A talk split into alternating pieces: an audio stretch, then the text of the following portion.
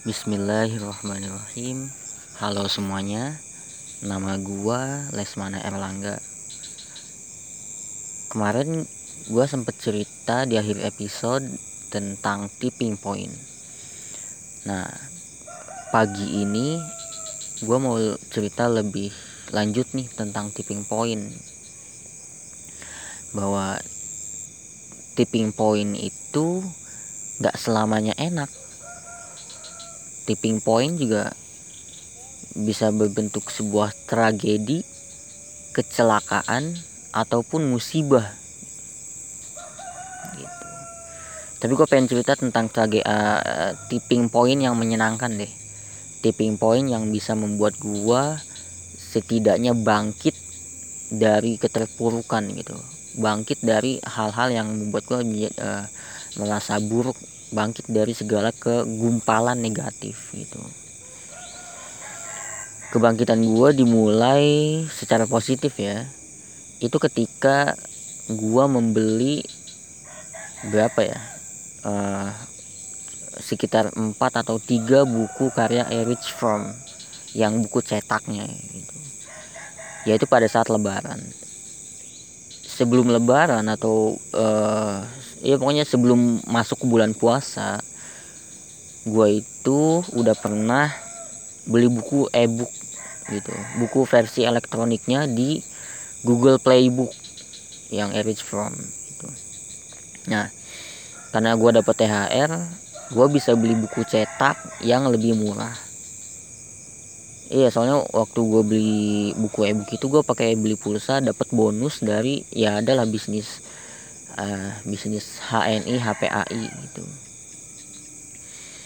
Nah lebaran itu gue beli buku uh, yang pertama itu Escape from Freedom.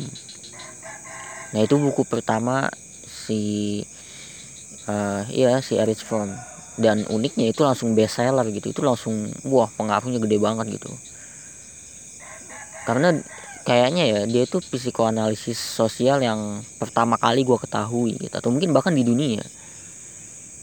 Erich Fromm ini sebetulnya seorang sosiolog umur 20 tahun. Dia udah lulus S1 atau bahkan mungkin lulus udah lulus S2 20 tahun loh itu. Nah sedangkan sekarang gue 20 tahun aja belum belum lulus S1 gitu. Awalnya sosiolog Erich Fromm lalu kalau nggak salah bertemu istrinya. Jadi istrinya ini se seorang psikoanalisis dan barulah dia beralih ke psikoanalisis. Meneruskan atau mengembangkan teorinya Sigmund Freud. Gitu. nah buku pertama uh, buku yang gue beli waktu lebaran itu satu ada Rich Fromm kemudian yang kedua ada uh, Art of Loving seni mencintai terus yang ketiga ada uh, The Heart of Man uh, tentang kejeniusan hati seorang manusia. Yang keempat ada um, Revolution of Hope. Uh, apa revolusi harapan gitu. Oke. Okay. nah itu itu tuh pengaruh banget gitu. Eh terus gua nggak tahu kenapa nemu buku aja gitu. Buku tentang tentang Robert Kiyosaki gitu. Bukunya itu apa yang waktu gue beli ya ya pokoknya adalah buku Robert Kiyosaki yang belum pernah gue baca gitu. Ada banyak sekitar 8 atau mungkin 9 yang belum gue baca gitu. Harganya murah goceng gitu. Oh ya udah gue beli aja. Nah uniknya lagi beli dua dapat satu eh, beli dua gratis satu. Jadi eh, kalau satu harganya goceng kalau gue beli dua sepuluh ribu gitu. Tapi da, uh, dapat gratis satu jadi sepuluh ribu dapatnya tiga. Oh itu untung banget gitu. Nah dari situ gue gue baca lagi yang namanya Napoleon Hill gitu tentang berpikir dan menjadi kaya think and grow rich gitu. Terus ya gue barter gue kerjasama dengan salah satu teman dan partner gue gitu beli buku. Kita saling tukar buku. Dia yang belum beli buku uh, dia yang belum beli buku Robert Kiyosaki gue barter dengan buku-buku motivasi lain yang yang belum gue miliki nah ini uniknya juga nih sebelumnya gue tuh anti banget sama yang namanya buku motivasi gitu. Apaan sih motivasi sampah lah quote quotes gitu apa? Ya punya motivasi tuh kayak quotes quotes uh, slogan slogan omong kosong doang kayak jargon jargon politik atau mungkin jargon jargon apa ya yang, yang biasa aja gitu. Nggak ada pengaruhnya kalau lu nggak kalau lu nggak berpikir dan menghayati benar-benar gitu. Sama kayak yel-yel anak pramuka gitu. Itu kan sama kayak motivasi-motivasi teriakan-teriakan gitu doang tapi apalah fungsi dari yel-yel dan teriakan dari anak pramuka. Kalau anak pramuka itu sendiri nggak nggak sepenuhnya menghayati. Bagi gue yel-yel anak pramuka itu sama kayak ritual suku-suku pedalaman gitu ritual suku-suku primitif. Nah sama tuh motivasi juga sama tuh kayak ya apalah mitologi dari motivasi itu gitu. Nah sampai akhirnya gue ketemu uh, Napoleon Hill dan Robert Kiyosaki yang evalu apa sangat memotivasi banget. Banyak lah judulnya kayak why the rich are getting rich terus second chance Wah, itu tuh kalau buku sebelumnya Robert Kiyosaki tentang filosofi atau uh, menjungkir balikan logika ekonomi secara umum. Nah kalau di buku-buku yang belakangan ini gitu kayak kayak why the rich are getting rich sama second chance gitu. Itu membahas tentang motivasi psikologis gitu. Iya jadi tentang bagaimana uh, em, perbedaan emosi antara orang kaya dengan orang miskin. Terus cara berpikir orang kaya dengan cara orang miskin. Dari situ gue mulai percaya namanya oh ada nih. Yang gue cari sebutnya kayaknya bukan motivasi tapi kayak inspirasi gitu. Sesuatu yang sifatnya malah cenderung radikal karena bukan cuma out of the box tapi menantang. Menantang dan menentang gaya berpikir masyarakat secara umum gitu. Robert Kiyosaki kan gitu itu gila loh. Bahkan bukan cuma masyarakat umum tapi dia menana, me, apa, menantang para ekonom yang udah S2 S3 gitu. Lucu aja sih gitu. Nah itu tipping point gue setelah membaca Napoleon Hill gue baru percaya oh ini tuh yang namanya motivasi. Tipping point selanjutnya adalah ketika gue uh, membaca karyanya uh, Fumitake Koga gitu. Sama Ichiro Kimisaki kalau nggak salah. Yang yang berani berani tidak disukai oh gila itu main blowing banget sih. Karena selama ini kan gue belajar Sigmund Freud terus Erich Fromm yang gaya berpikirnya itu ideologi banget gitu. Gaya, gaya berpikir detektif gaya berpikir mencari jejak. Lalu ketika gue belajar Alfred Adler gue kayak nemu dunia lain. Kalau kata Robert Kiyosaki kan dunia finansial itu ada tiga bagian sama kayak koin gitu. Koin kan ada sisi sisi kepala dan sisi ekor lah gitu tapi bukan cuma sisi kepala dan sisi ekor tapi ada dunia tengah dunia peralihan gitu. Nah Robert Kiyosaki ada di, di titik dunia di dunia peralihan itu. Gitu. Setelah gue melihat Alfred Adler yang sangat kontras yang sangat berbeda dari uh, dari Sigmund Freud gue mulai berpikir seru nih psikologi. Gitu.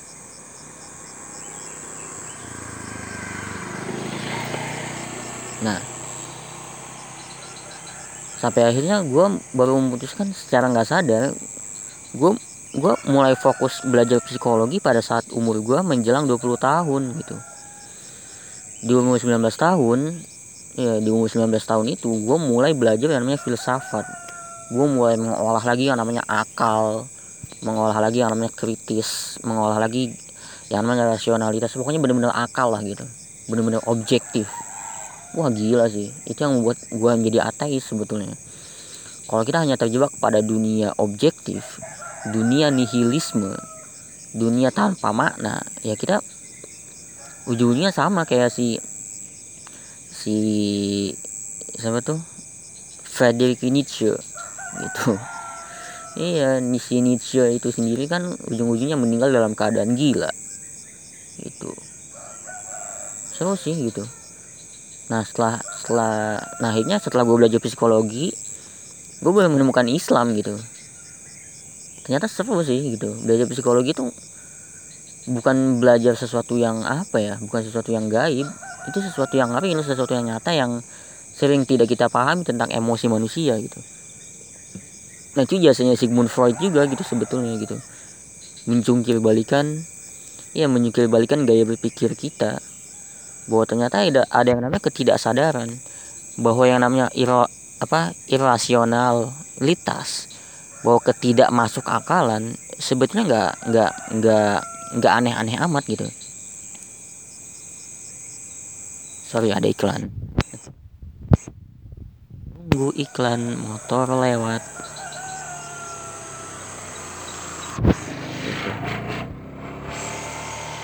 Ya Sigmund Freud ini uniknya menyatakan bahwa segala macam kecelakaan itu bisa jadi sebabnya human error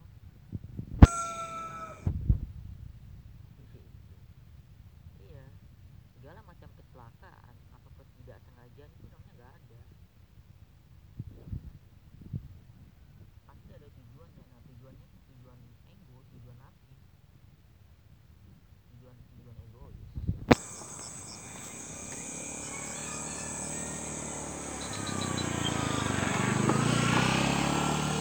nah terus tipping point gua yang paling besar nih secara positif adalah pada saat hmm, sukses daily ya. Ya itulah namanya untungnya algoritma gitu ya. Algoritma YouTube algoritma sosial media. Nggak tahu kenapa mungkin karena gua anak pesantren kalian jadi gua nggak gua nggak tertarik sama yang namanya viral sama yang namanya trending gua nggak tahu tuh. Sejak gua buka YouTube atau sejak gua main YouTube nonton nonton YouTube gua nggak tahu apa sih video trending. Dan untuknya gua nggak nggak nggak difasilitasi gitu. Kalau gua difasilitasi ada kemungkinan gua akan menemukan juga namanya trending nomor satu apalah itu segala macam. Gua nggak gua makainya YouTube Go. Gitu. Ya jadi di download dengan kuota yang sangat minim dan gua uh, dengan dengan podcast apa segala macam dari situ tuh gitu nah ini untungnya gitu. Karena gue nggak nggak nggak mensubscribe channel-channel yang untuk anak-anak remaja gitu ya. Gue mensubscribe tentang channel-channel politik tentang channel filsafat psikologi. Pokoknya perdebatan-perdebatan gitu yang yang gue seru tuh gitu. Tapi gue nggak perdebatannya nggak nggak menjurus ke salah satu pihak sih.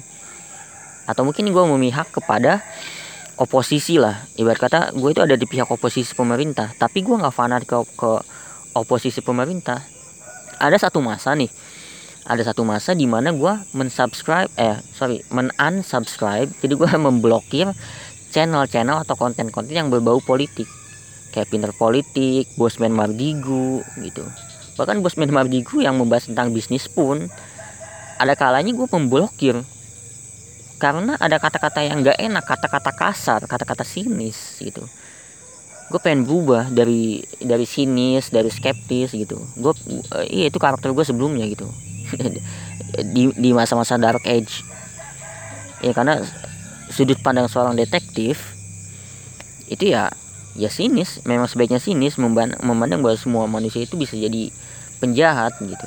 Bisa jadi semua manusia adalah tersangkanya. Itu gue memblokir tuh yang namanya channel-channel uh, politik berbau politik atau berkata-kata kasar. Bahkan sekedar channel hiburan pun gue unsubscribe. Jadi ada suatu masa dan ini dan ini berdekatan ya. Proses proses menemukan sukses daily dengan um, pemblokiran konten-konten politik dan sinisme tiba-tiba muncul tuh yang namanya sukses daily itu itu uniknya algoritma YouTube ya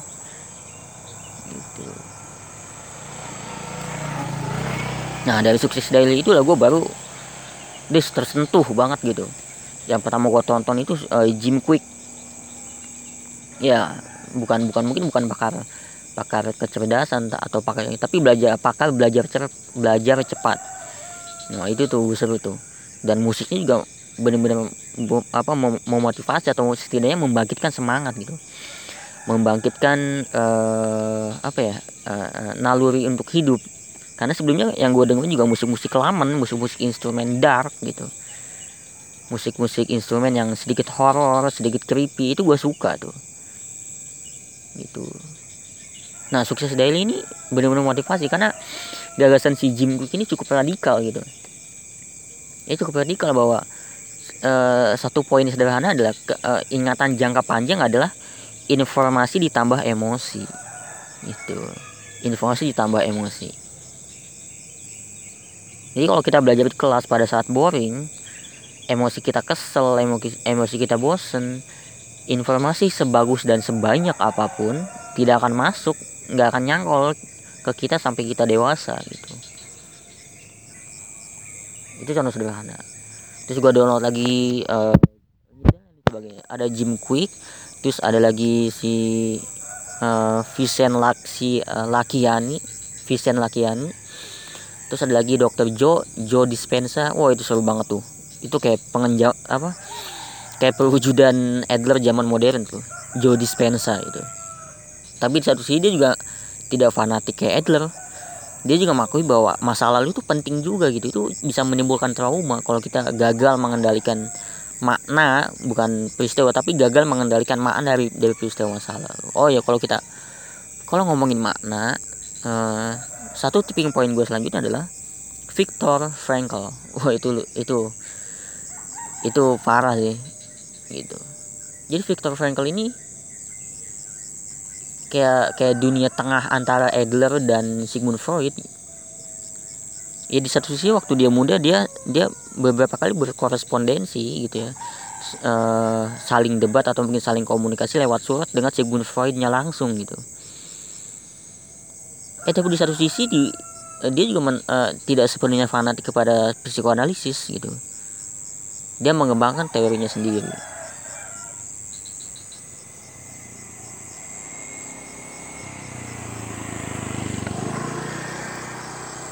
Nah tapi pengembangan teorinya ini mirip-mirip dengan Adler juga gitu.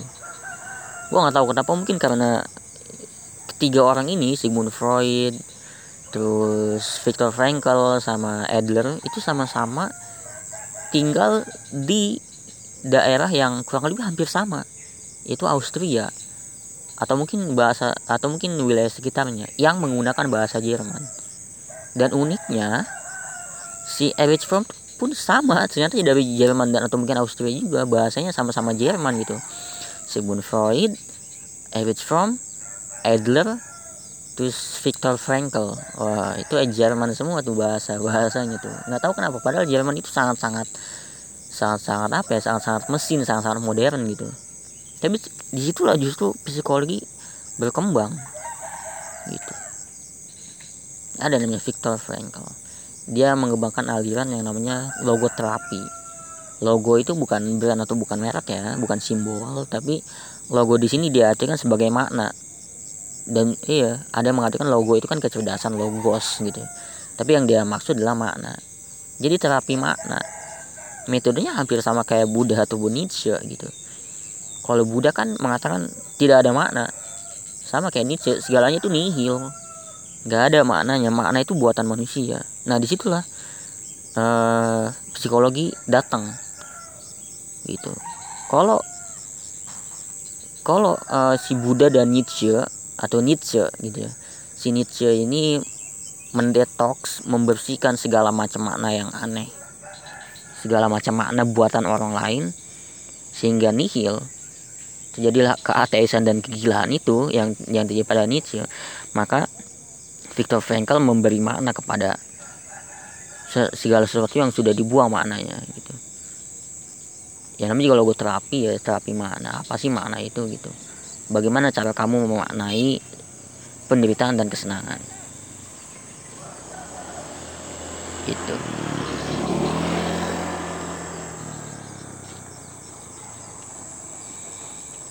oke itu tipping point gue dari sukses daily ya udah gitu.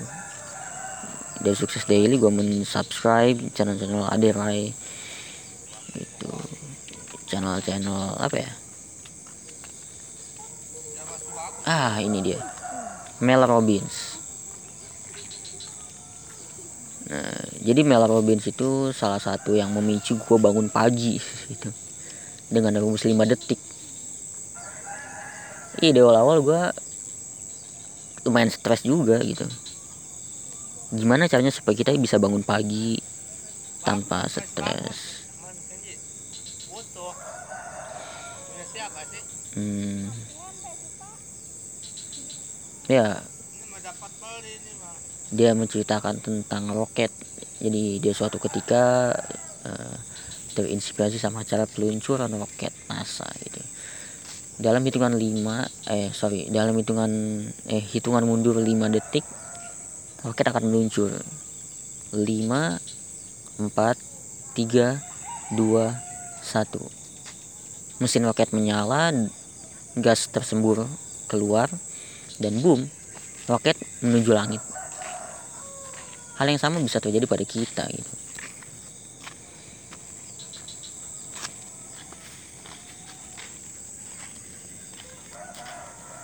Hal yang sama bisa terjadi pada kita kalau kita lagi setengah sadar males-malesan itu mundur aja 5 4 3 2 1 dan gerakannya bukan gerakan malas-malasan tapi sentakan loncatan gitu apa ya istilahnya tuh kayak gerakan gerakan tiba-tiba gitu.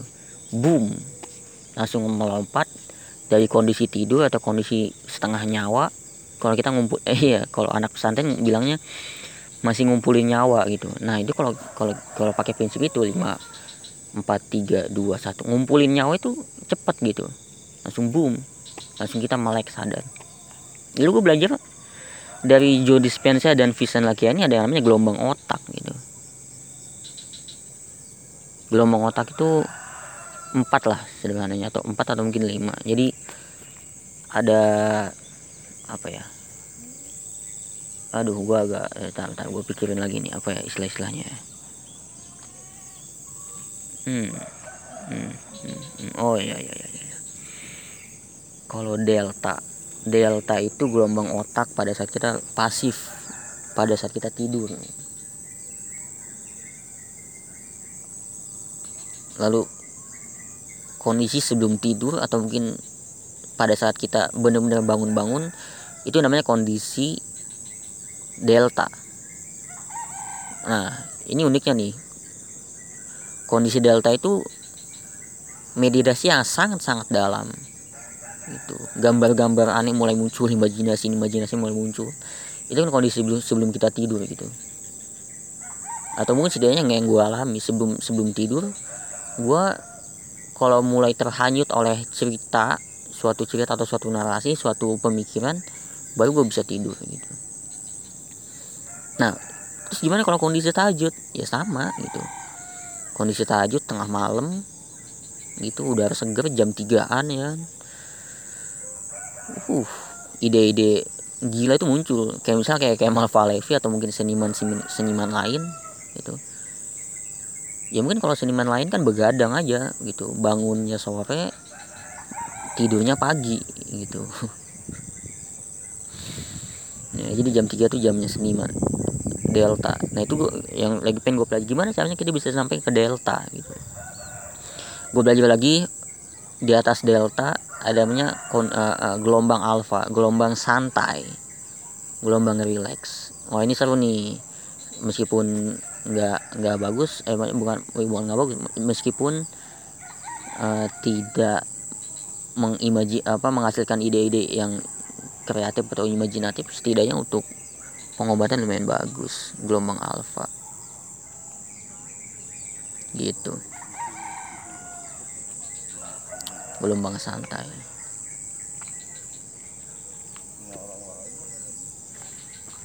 Nah, terus ada lagi di atas alfa namanya beta. Nah, itu gelombang kesadaran aja, gelombang biasa gitu.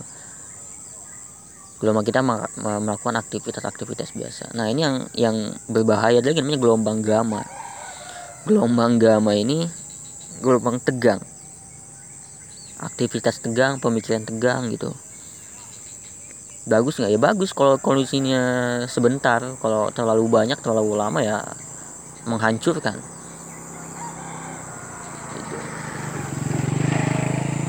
yang gue belajar dari Mel Robin gue belajar tentang uh, apa psikologi tidur. Dari Joe Dispenza gue belajar uh, ya tadi itu gelombang gelombang otak. Itu tipping point gue tuh. Terus uh, uh, oke okay, satu lagi gue belajar dari Aderai itu tentang atau mungkin dari siapa namanya body fit siapa gitu. Ya pokoknya channel channel, channel fitness lah gitu. Gue belajar prinsip pernafasan gue belajar prinsip cooling down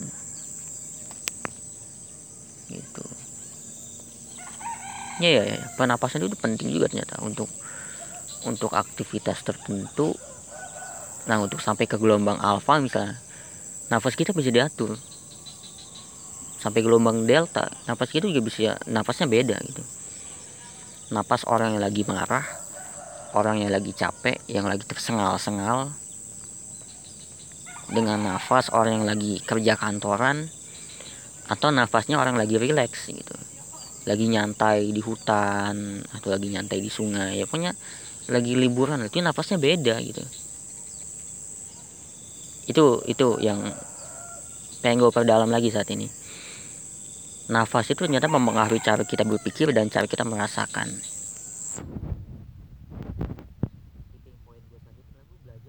Cooling down. dan juga belajar warm up. Itu belajar pemanasan dan belajar pendinginan ternyata ini penting ini penting sekali ini prinsip yang gue pelajari dari atau setidaknya dari dari latihan olahraga. Bahwa sebelum melakukan aksi tegang ya kita butuh pemanasan gitu. Dan begitu juga setelah kita tegang kita butuh yang namanya cooling down. Gitu. Itu sih yang benar-benar gue pelajari banget gitu. Ada nak iya ini juga berkaitan dengan nafas tadi itu. Kalau kita pengen lagi warm up nafasnya diatur. Pengeluaran oksigen dan eh sorry pemasukan oksigen dan pengeluaran karbon dioksidanya harus diatur prosesnya. Sehingga kadar-kadarnya dalam tubuh kita ini beda. Yang satu siap untuk melakukan uh, jadi ada nafas khusus untuk gelombang gamma khusus untuk uh, tegang. Ada juga nafas untuk relax napas untuk mempersiapkan santai nah dari situ baru gue belajar gimana caranya akselerasi. Mempercepat gitu. Jadi bukan cuma kecepatan tapi mempercepat akselerasi itu penting loh. Dalam dunia yang modern ini akselerasi itu penting. Sekaligus kebalikannya jadi cooling down tadi itu apa ya? Perlambatan. Jadi bukan melambat lambat atau melambat tapi perlambatan. Kalau kecepatan itu kan rumusnya kuadrat gitu turunan nah ini cooling down ini kita bisa pakai prinsip namanya prinsip rem. Nah, bagaimana caranya rumus-rumus bagaimana cara kita ngerem emosi-emosi itu? Emosi-emosi negatif kayak marah dendam pengen balas iya pengen ngebalas negatif terus kebencian. Bagaimana cara kita ngerem emosi-emosi itu? Kemudian bagaimana cara kita mengakselerasi? Ya bagaimana cara kita mempercepat gitu atau mungkin kalau di matematika yang namanya eksponensial. Nah eksponensial ini gue belajar dari kosakata nuklir aja. Gue juga suka eh saat iya gue juga suka mengamati dunia-dunia militer atau setidaknya persenjataan. Bagaimana prinsip kerjanya? Itu nah itu gue belajar dari bom atom itu ada namanya titik kritis tipping point juga istilahnya gitu. Satu titik di mana kalau sampai terjadi maka uh, iya maka akan tercipta sebuah ledakan gitu. Itu yang itu tipping tipping point gue gitu. Nah tipping point kayak pernafasan meditasi cara cepat bangun dari tidur gelombang alfa gue dapat dari sukses daily. Itu berkah banget buat gue sih. Entah kenapa tiba-tiba ada algoritma YouTube itu menunjukkan di apa ya tabnya atau homepage gitu ya di beranda di beranda aplikasi YouTube tiba-tiba ada sukses daily gitu. Ya udah gue gue belajar sesuatu itu wah seru banget ternyata. Itu tipping point gue terus tipping point selanjutnya apa ya? Ah ensiklo ensiklo channel ensiklo yang membahas tentang pertanian organik. Itu tipping point gue lagi gue gue lebih belajar tentang uh, uh, ya tentang pertanian organik. Bagaimana caranya menciptakan pupuk misalnya. Supaya kita bisa tetap bertani di tengah kota di tengah perumahan di tengah komplek gitu. Ada kekurangan dan kelebihan juga di ensiklo. Gitu. Nah terus akhirnya gua mensubscribe atau menem, eh, iya nemu nih channelnya si Bali Organic TV uh, eh, ya lah pokoknya berkebalikan aja antara Ensiklo dengan Bali Organic TV gitu. Kalau di Bali Organic TV dia jarang menggunakan pupuk dari uh, uh, bahan-bahan hewani lah gitu. Nah sedangkan kalau di Ensiklo itu uh, beberapa kali menggunakan pupuk hewani dan skalanya masif skala besar skala industri lah kita nyebutnya. Nah sedangkan kalau di Ensiklo eh sorry di Bali Organic TV itu skalanya skala kecil gitu. Skala skala rumahan skala kampung. Uh, apalagi ya tipping point gue yang menyenangkan. Tipping point yang benar-benar membawa ke, ke, ke kondisi yang positif. Tipping point ah Malcolm Gladwell. Uh, itu itu banget sih tipping point itu gue terinspirasi dari buku judul bukunya Malcolm Gladwell tuh. Seru banget. Jadi Malcolm Gladwell ini apa ya istilahnya? Kayak buku-bukunya itu membahas tentang psikologi sosial gitu. Buku yang pertama kali gue baca adalah Outlier. Oh gila seru banget sih. Tentang outlier itu seakan-akan kayak membahas tentang etiologi gitu berbagai macam hal deterministik. Gitu. Tapi nggak nggak nggak gitu juga. Ternyata bahwa dari kondisi deterministik kalau kita pandai memanfaatkan situasi itu kita bisa jadi sukses. Itu outlier. Setelah outlier buku kedua uh, yang gue baca adalah bling ya ya ya ya buku bling si Malcolm Gladwell. Selesai gue baca buku ketiga yang gue baca dari Malcolm Gladwell adalah uh, uh, Talk to Stranger. Berbicara kepada orang asing. Terus buku keempat yang saat ini pengen gue selesaikan adalah David and Goliath. Hmm. David and Goliath gitu. Ya gitulah kurang lebih. Nah satu lagi buku yang paling tipping point gue adalah tentang range range atau gimana sebenarnya? Ranjel tulisannya. Range kan gitu karya David Epstein. Membahas tentang multi multi talent gitu. Bagaimana caranya kita bisa sukses di dunia yang serba membutuhkan spesialisasi. Bahwa ternyata orang-orang yang multi talent orang-orang yang multi apa ya multidisiplin itu sangat sukses gitu ya contohnya ilmuwan zaman dulu lah. Ibnu Sina itu kan bucimo tapi dia ahli fikih juga ternyata. Ahli fikih ahli filsafat. Itu itu Ibnu Sina itu. Ya udahlah. Uh, segini aja dulu. Untuk selanjutnya besok lagi gue akan bahas tentang uh, uh, berbagai macam buku yang gue baca. Buku yang membuat gue bisa mengalami tipping point nah salah satunya itu tuh range. Sama juga outlier. Range outlier berani tidak disukai. Apa lagi ya? Itu aja tuh tiga buku yang pengen gue bahas besok tuh. Oke sekarang karena udah siang banyak orang yang lalu lalang sekian terima kasih. Salam.